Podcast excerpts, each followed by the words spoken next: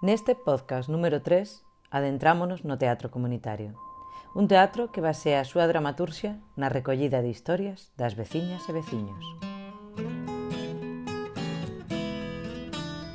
Este audio constitúe unha serie onde editamos todo ese material que grazas ao teatro comunitario da comuna da Ingrávida fomos recollendo. Este capítulo pertence á serie de teatro comunitario por catro perras, a primeira serie de teatro comunitario que se fixo na sala. As persoas afortunadas que asististes a Engrávida a ver os capítulos atoparedes aquí a xénese creativa de todo o proceso.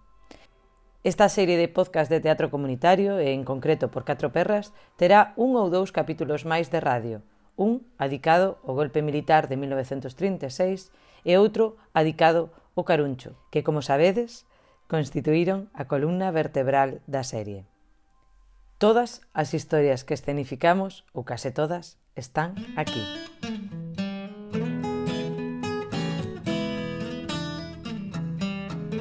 Neste capítulo falamos da verbena, cando se chamaba fiada, falamos dos petromás, da gripe española, da tómbola de Manolo, das cornetadas, en fin, aprendimos tanto. Descobrimos por que era importante soprar na farmacia e por que o porriño está atravesado xa non polo tren, senón polo tranvía en plena verbena. Oxe, eu comín con meus pais e contei, preguntelles un pouco que me contaran cosas dos seus avós, bisavós e das súas vivencias. Para empezar, cando falamos das verbenas, eles non, non utilizan este término verbenas, eles coñecen como fiadas. Non sei se a vos soa ese termo fiadas, que era decía que iban eh, contábame a anécdota de que as nais collevan as fillas, iban cos farolillos, poñanse ao adro da redor da igrexa, sentaban coas fillas eh, e entón pedíalle para bailar eh, e se a nalle miraba que tiña posible ou tal, pois deixaba bailar ou non, pero que era, me decían que era moi ah. anecdótico ver as mulleres aí cos farolillos e as rapazas e tal, e o que contaban iso de ir festas e coas zocas, non? Que iban polos camiños enlamados coas zocas e cando chegaban a a fiada, que eran, meus pais chaman, dicían, Rubén, que non son fiadas, pois eh, sacaban os tocos, poñían os zapatos novos e eh, para bailar. Ah!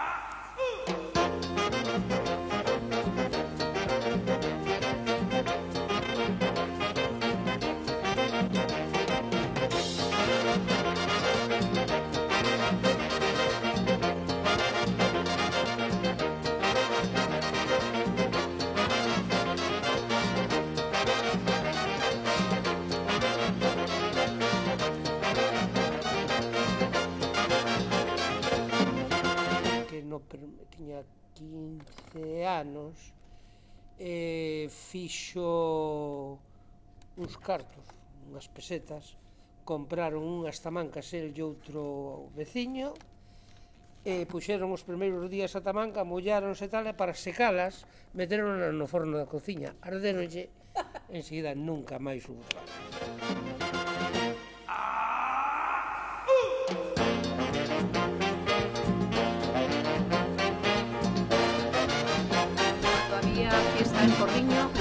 Del Cristo.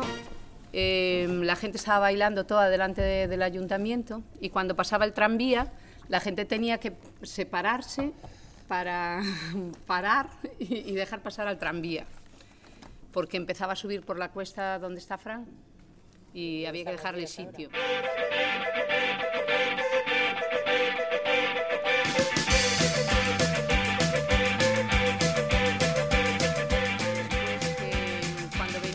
había peleas, las peleas casi siempre eran los de Cabral, los que venían preparados ya para pelear.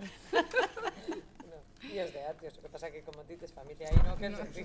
Bueno, también tenían mala fama, tienen, decían mi madre, pero bueno. Pero no me lo dijo esta sí, vez. Sí, Pereiras. Un dos seus traballos que era de ir cos petromás ás festas, cando non había alumbrado público, isto era aproximadamente no ano 43, 23, 43, 41 eh, despois da guerra. Non había nas... En 56 tampouco había alumbrado público bueno, en, en, Atios, en, en Atios no. Eh, entonces eh, non había alumbrado público iba ás festas con estos petromás que eu non sabía que eran a gasolina pensei que eran a petróleo pero eran a gasolina e eh, había que lle dar aire para que sempre tuvera luminaria bastante eh, fuerte.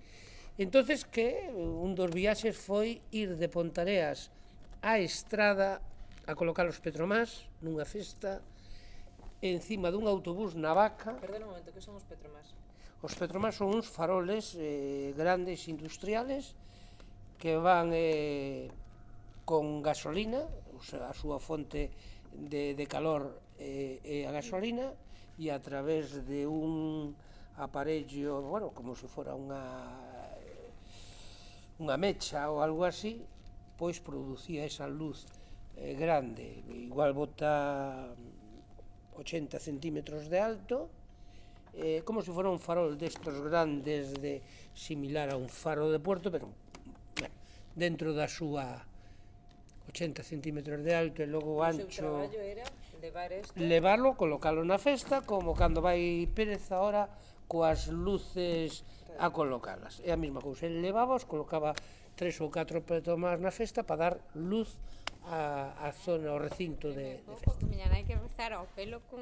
Ela e unha amiga puxéronse con pau que, eh, para hacer rulos, tío. o pelo todo. Quemou no porque porque quentaba pau para Claro, o pau, sabes, o colles o pau ardendo. ¿eh? eh, a ver, ven sendo as planchas modernas, pero claro, se pasou un pouco de la temperatura. Ela ya outra que me lo pelo todo. Sí, sí. Non te va o resto. Mi abuela utilizaba unha bombilla para eh, poder eh, coser las medias. Ah, eso sí, eso da un uso bombilla, yo. No sé, ahora. Ahora tengo un huevo de, pero si el huevo no lo encuentro, saco una bombilla de cualquier sitio y zurzo los calcetines. Si tienen poquito, si tienen mucho ya tiro con ellos. Pero ahora no duran nada, a veces están nuevos y ya Isto se detallazo, agujerean. eh, moi importante. La bombilla, sí. Moi, moi importante. Porque empezamos falando do alumeado público, da luz, a luz, a luz que ilumina as historias, a luz, a escenificación, Para que vale as todo. medias, todo, todo isto, porque claro, vos volcades as historias, pero os elementos que Claro. constituen a escenificación están aí. O sea, está vestuario, está iconografía, está, está Para todo. eso está la ¿no? profesional ahí. Más claro, más claro. Más claro, más claro. Verán qué luz tendrán y cuánto lo que ahorran con Osran, con lámparas ahorran. Cu- ¿Cuándo, cuándo, se, es, ¿Cuándo se inventó el preservativo? El primer preservativo. ¿Tú sabes, Porto? No tengo. O, o cómo era, no sé, porque bueno, a mí me hizo gracia. porque-. ¿Quién fue? Una vez con salió, algo, ¿no? Sí, con algo de la... una vez salió en la tele una en lugar, una señora, que el marido le trajera de Alemania unos y los lavaba y los extendía. los lavaba y los extendía y tenía todas las vecinas locas que él que a mí tenía. me dejó ahí tal, porque después encima nos interrumpieron, pero bueno, eh, la historia era que estábamos ahí hablando y lo típico, que te cuentan su, su vida y que tenía 10 hijos. Y entonces yo le dije, pero, eh, don Basilio, qué barbaridad, ¿cómo 10 hijos? Bueno, lo típico, no, que hace el tonto ahí. Entonces él me dice, no, Filiña, es que yo iba al médico a suplicarle, por favor, que me diera preservativos y él me sacaba patadas y me decía que me iba a denunciar por, pe- por- justamente por no querer procrear. Y yo estábamos justo, que le iba a preguntar, ¿denunciar a quién? ¿Al cura? ¿Al, a la poli? pero ya no llegamos. de Franco y esas cosas. Hombre, No, Farrusquito no los no, vendía, mira, eso se puede fuerte que tú Porque Farrusquito pedir- creo que los hombres iban a comprarlos y le hacían... Y entonces ya sabían los criados de Farrusquito, ya sabían que eran globitos, lo que quería que le llamaba. ¿Acaso en los colegios? Traía. Yo de que lo que hice ¿Acaso en los colegios O sea, te, entrabas y hacías- enseñaban algo? Y hacía, porque Farrusquito, hacíamos que es una aspirina. Farrusquito no se los vendía. Pero los chicos, que los chicos, los señores, los dependientes, sí, los tenían por allí. Entonces, ¿qué había que hacer? O le hacía uf. Y entonces ellos sabían que quería. Y cuando el otro no se enteraba, le traía y se los vendía. Pero no podía ir así a pedirlos. De hecho, yo recuerdo.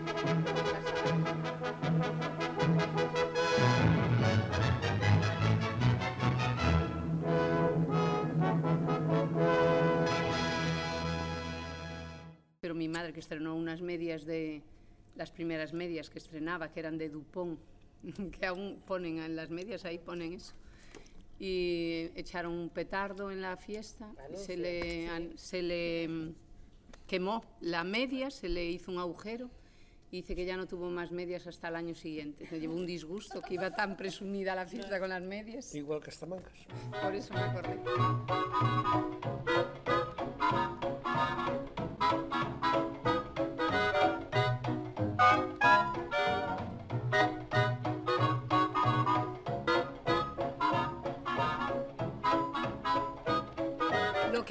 De la fiesta de la luz, mi padre cuenta que en el 56, fue el año que yo nací, eh, él era el que organizaba las fiestas en Atios. Y entonces se le ocurrió contratar a los satélites de La Coruña. Y aquello dice que fue un boom. Que vino gente de todos los sitios, que estaba Atios que no había por dónde, ni por dónde entrar. De Salceda, de todos los lados, la gente vino toda a pie. Los satélites vinieron en un autobús, pero no daba subido por los caminos de Atios, porque estaban muy mal. Entonces tuvieron que buscar un camión y fueron a buscar el camión de Calderón. Calderón era uno de aquí de Porriño. Y mm, cambiaron todas las cosas al camión, todos los instrumentos, y llegaron a Atios. Pero tardaron tanto tiempo en intentar subir, en ir a buscar el camión, que cuando llegaron a Atios no le dio tiempo más que a tocar tres piezas y se acabó la fiesta, pues se hizo de noche. No tenían el Petro más. Una desilusión con el trabajo que llevó a organizar. Habería que indagar, tens que preguntar de teu pai se se acorda de algunha das pezas que tocaron. Los satélites. Desas tres, o sea, alguna. Porque ¿eh? siguen siendo los mismos satélites. Bueno, o sea que, a ver qué de- tocaba. Pues puede Claro. preguntar. Imaginade vos vos facendo dos satélites.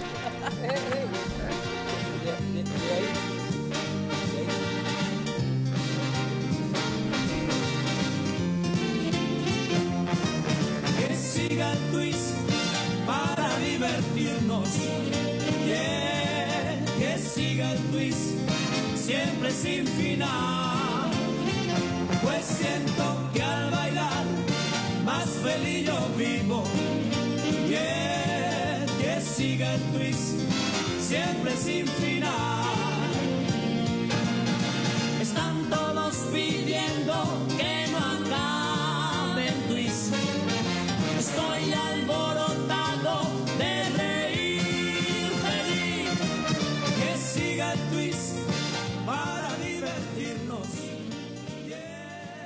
quero decir que con isto de que pezas tocaban, eh, no, na casa esa empezaron a tocar, empezouse a animar todo o ambiente, pero cada vez que botaban unha jota ou unha muñeira, empezaba a saltar e eh, aquilo retumbaba todo e pensábase que se iba a vir abaixo. E hubo que especar eh, o, o piso de madeira que tiña. Era a casa do baile? Era, no, era a casa de onde vive ahora Suso, meu irmán en sí hubo que espegar eh, toda a madeira para, eh, para evitar que se viñera todo abaixo porque había moita xente, aquilo estaba abarrotado. Eh, eh, tuveron que lle pedir a, a músico ou ao que estuvera ali tocando en aquel momento que non tocaran jotas nin moñeiras, que tocaran música de bailar máis sencilla, pero que a xente non botara no piso.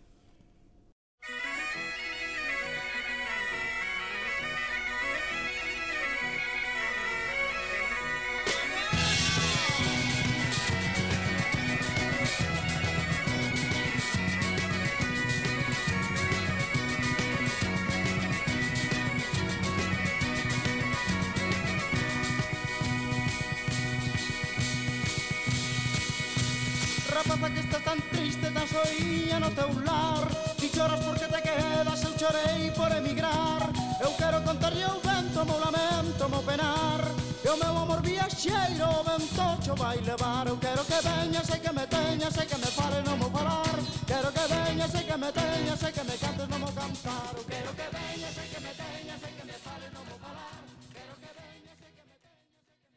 La tómbola de Manolo. El premio, lo que rifaba lo mejor era el juego de porcelana. Dice que siempre, casi siempre le tocaba, muchas veces, a tía Carmen Manisca de Cans, porque era parienta. Entonces, tómbola. del de la tómbola. Y entonces ella lo llevaba a la casa de la hermana y se lo devolvía a Manolo, porque eran muy malos tiempos y entonces, ¿para qué quería ya tanto el juego? De vez en cuando le tocaba a una parienta y devolvía el juego de porcelanas. Un blanco con una blanca es como leche y espuma. Y un negro con una negra es como noche sin luna. Numera, numera. Viva la numeración. ¿Quién ha visto matrimonio? Mm, mm, mm, mm, mm, mm. Ole, ole, ole, sintonía. Despois, bueno, eh, miña nai relataba moito de, de que se casabas, non? Que as mulleres tiñan que levar o ramo e unha pulseira de azar que se ti non eras virxen non o podías levar, en plan, que iban as mulleres a, a verla na igrexa, les levaba a pulseira e, a, e o ramo de azar. Eh, relatábame que antes as, os meus avós e bisavós casábanse de negro, non en branco, porque era un estatus ou un prestixio, en plan, poder casarse de negro.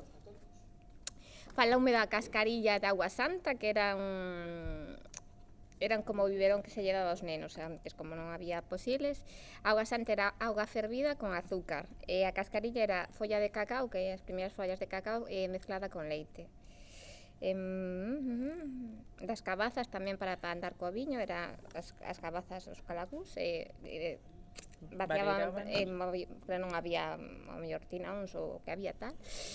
Pero bueno, iso non é o que traía. Eh, nada, a mí encontrarme así historias, depois que non me acordo así de moito, bueno, falámonos da, corne, da cornetada, que meu pai foi algunha no ano 75, incluso de alguna persoa de Porriño coñecida, bueno, falleceu hace fai pouco, entón non vou dicir quen é, pero eh, o das cornetadas tamén foi outra en Vilafría, tamén no seu día.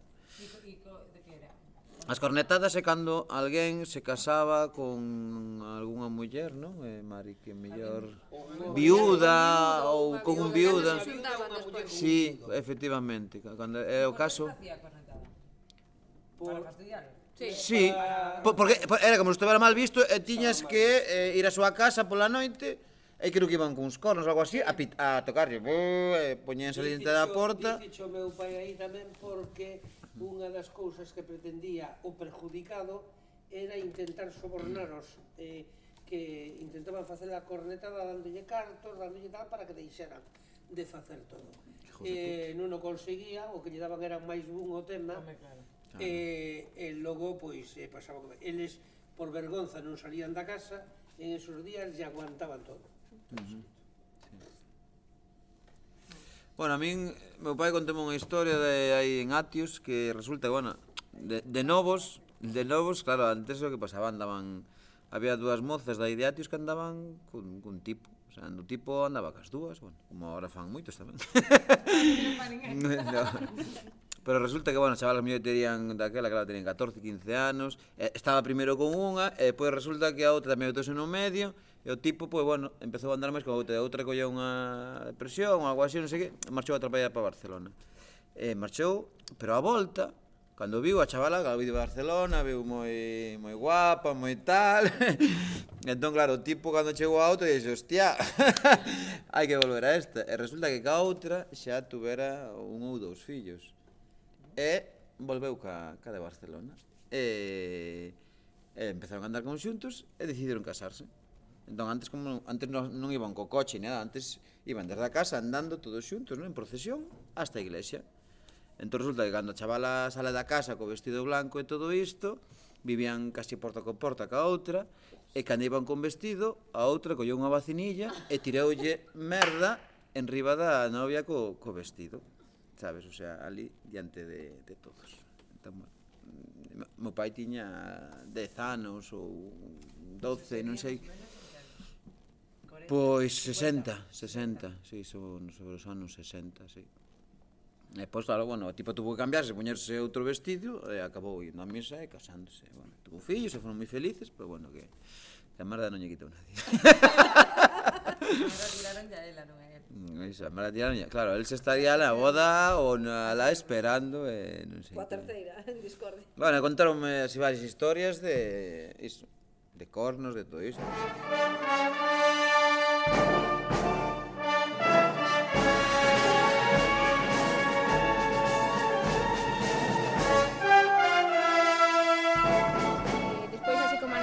Trátame, non sei se o coñecedes ou un daqui de Porriño, era, era de, originariamente de Redondela que tivo 24 fillos que veterinario de Porriño. Me, me, ah, non foron 24, foron 17. Pero de campo. Eso decía, pero seguro que 24, me dice, sí, sí, 24. O campo, campo. O campo é a lineaxe de Porriño. Entre sí. O campo e, claro. e hai outra tamén.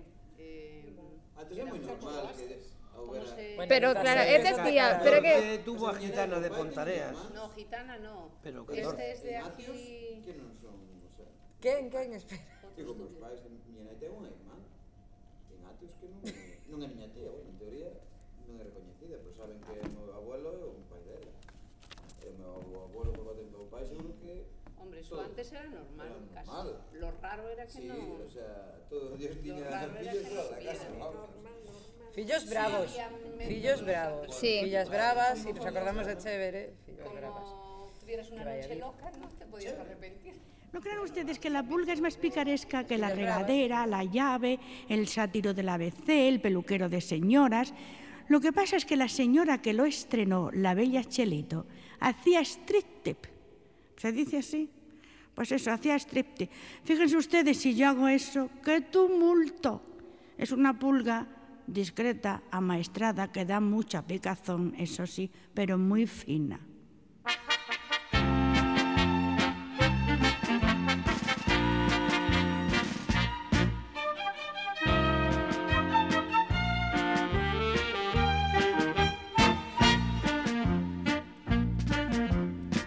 Hay una pulga insolente que a mí me está molestando porque me pica y se esconde y no la puedo echar mano.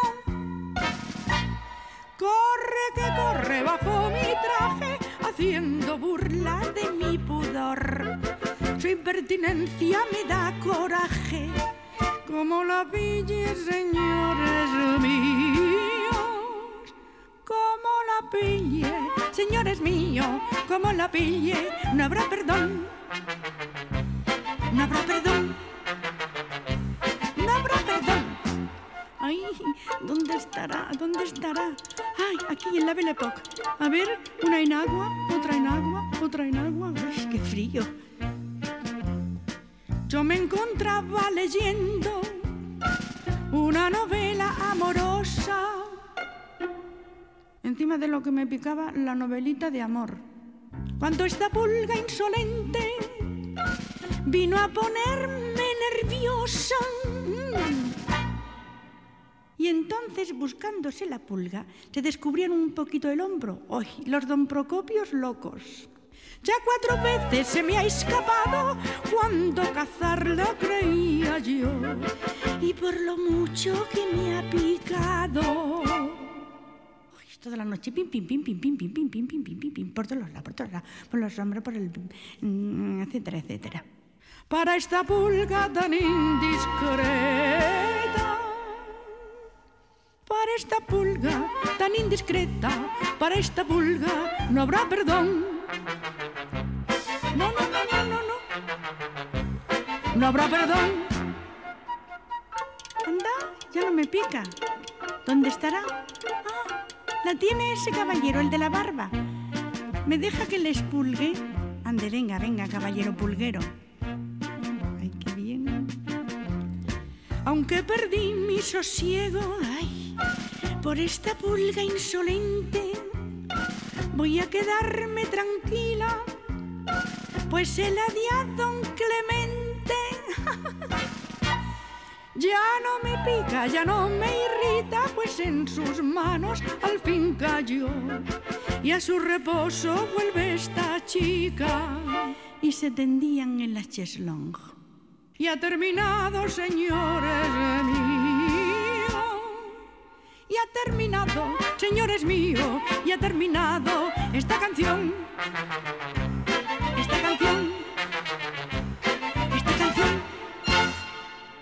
contoume do meu abuelo que morre, que falleceu agora fai pouco tempo, que el traballaba na conserveira en Redondela, que eran a, tanto a fábrica de regojo de camisería como a conserveira eran as, os as dúas empresas que daban máis traballo a Redondela.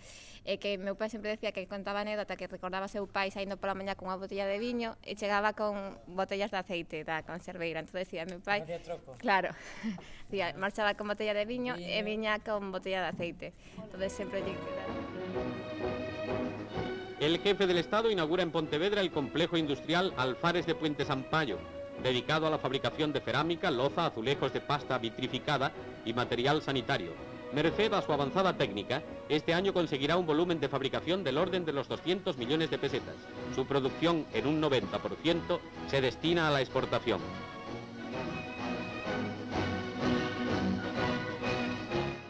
Despois tamén de outro cliente que tiña, eh, bueno, estes señores xa morreron, claro, que era un señor que era un hombretón, tiña unha moto daquela xa, bueno, para aquela época potente e tal, pero que estaba sempre con ela no taller, porque claro, en outros camiños que era, e que el corría, sempre estaba con ela, vamos, tiña accidentes, que decía yo, a meu pai chamaban llemos, joder, mas non sei que pasa, parece que tiño a brusa, e meu pai, que...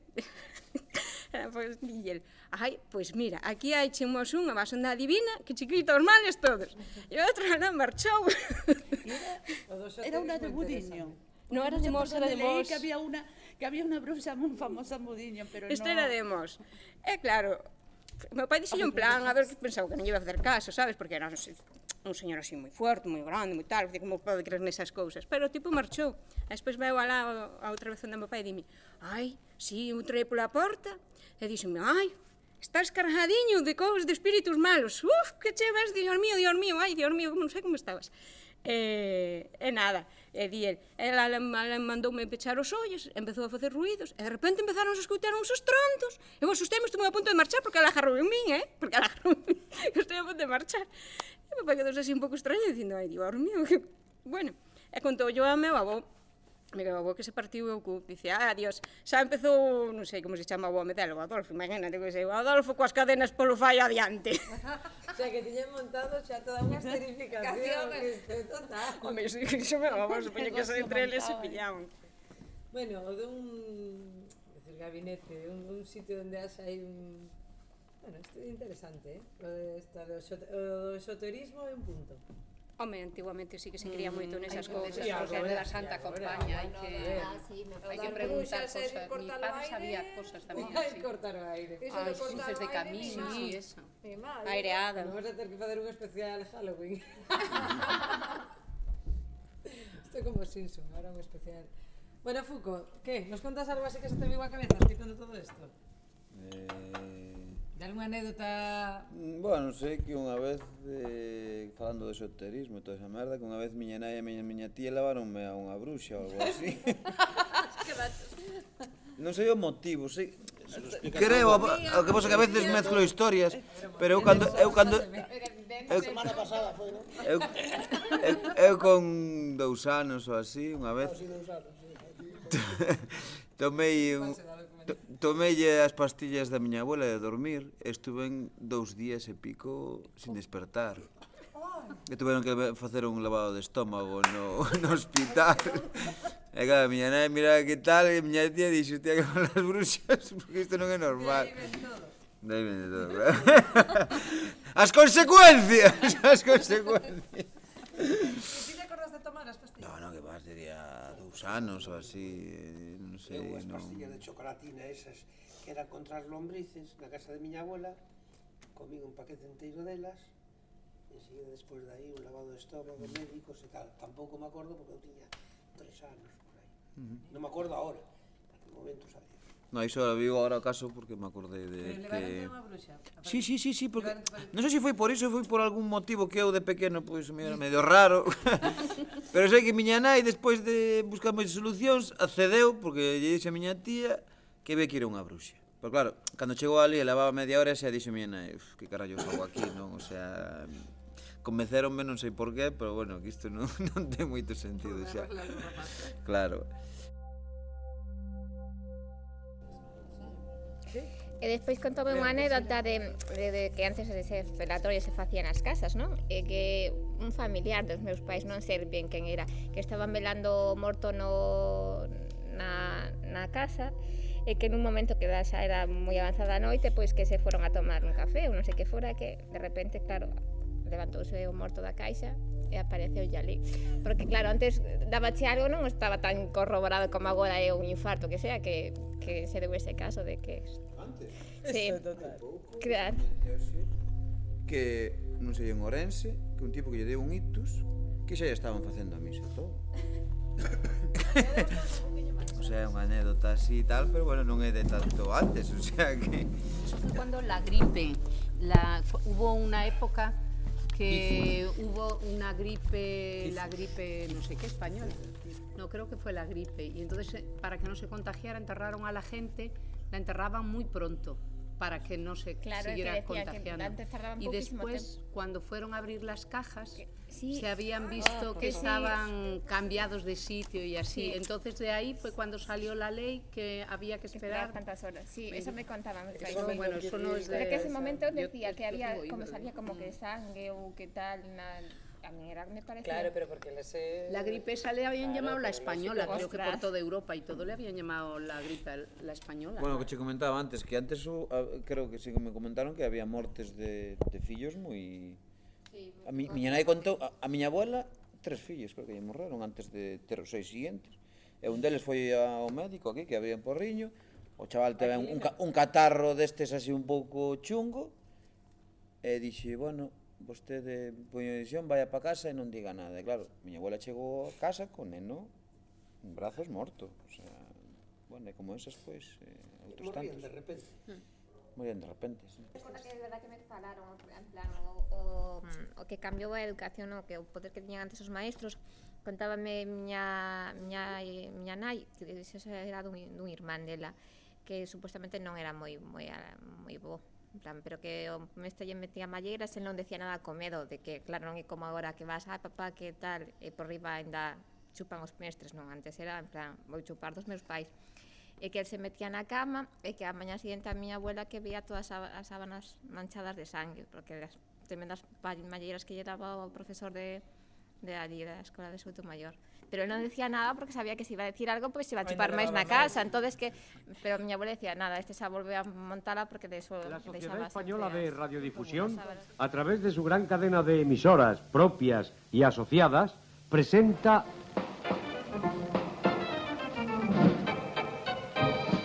Matilde, Perico y Periquín.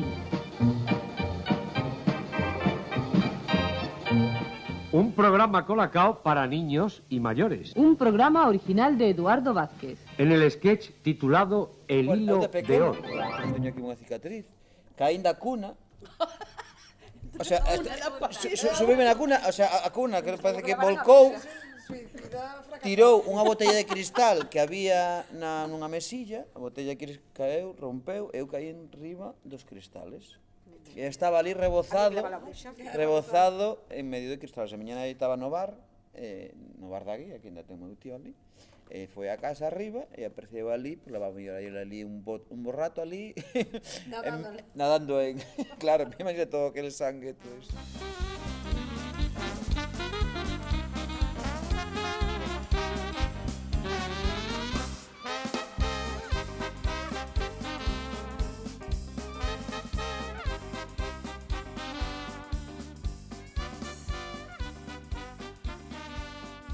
Agardamos poder contaxiarvos toda a ilusión que é para nós facer teatro comunitario e poder vernos máis cedo que tarde no escenario compartindo con vos todas as nosas descubertas.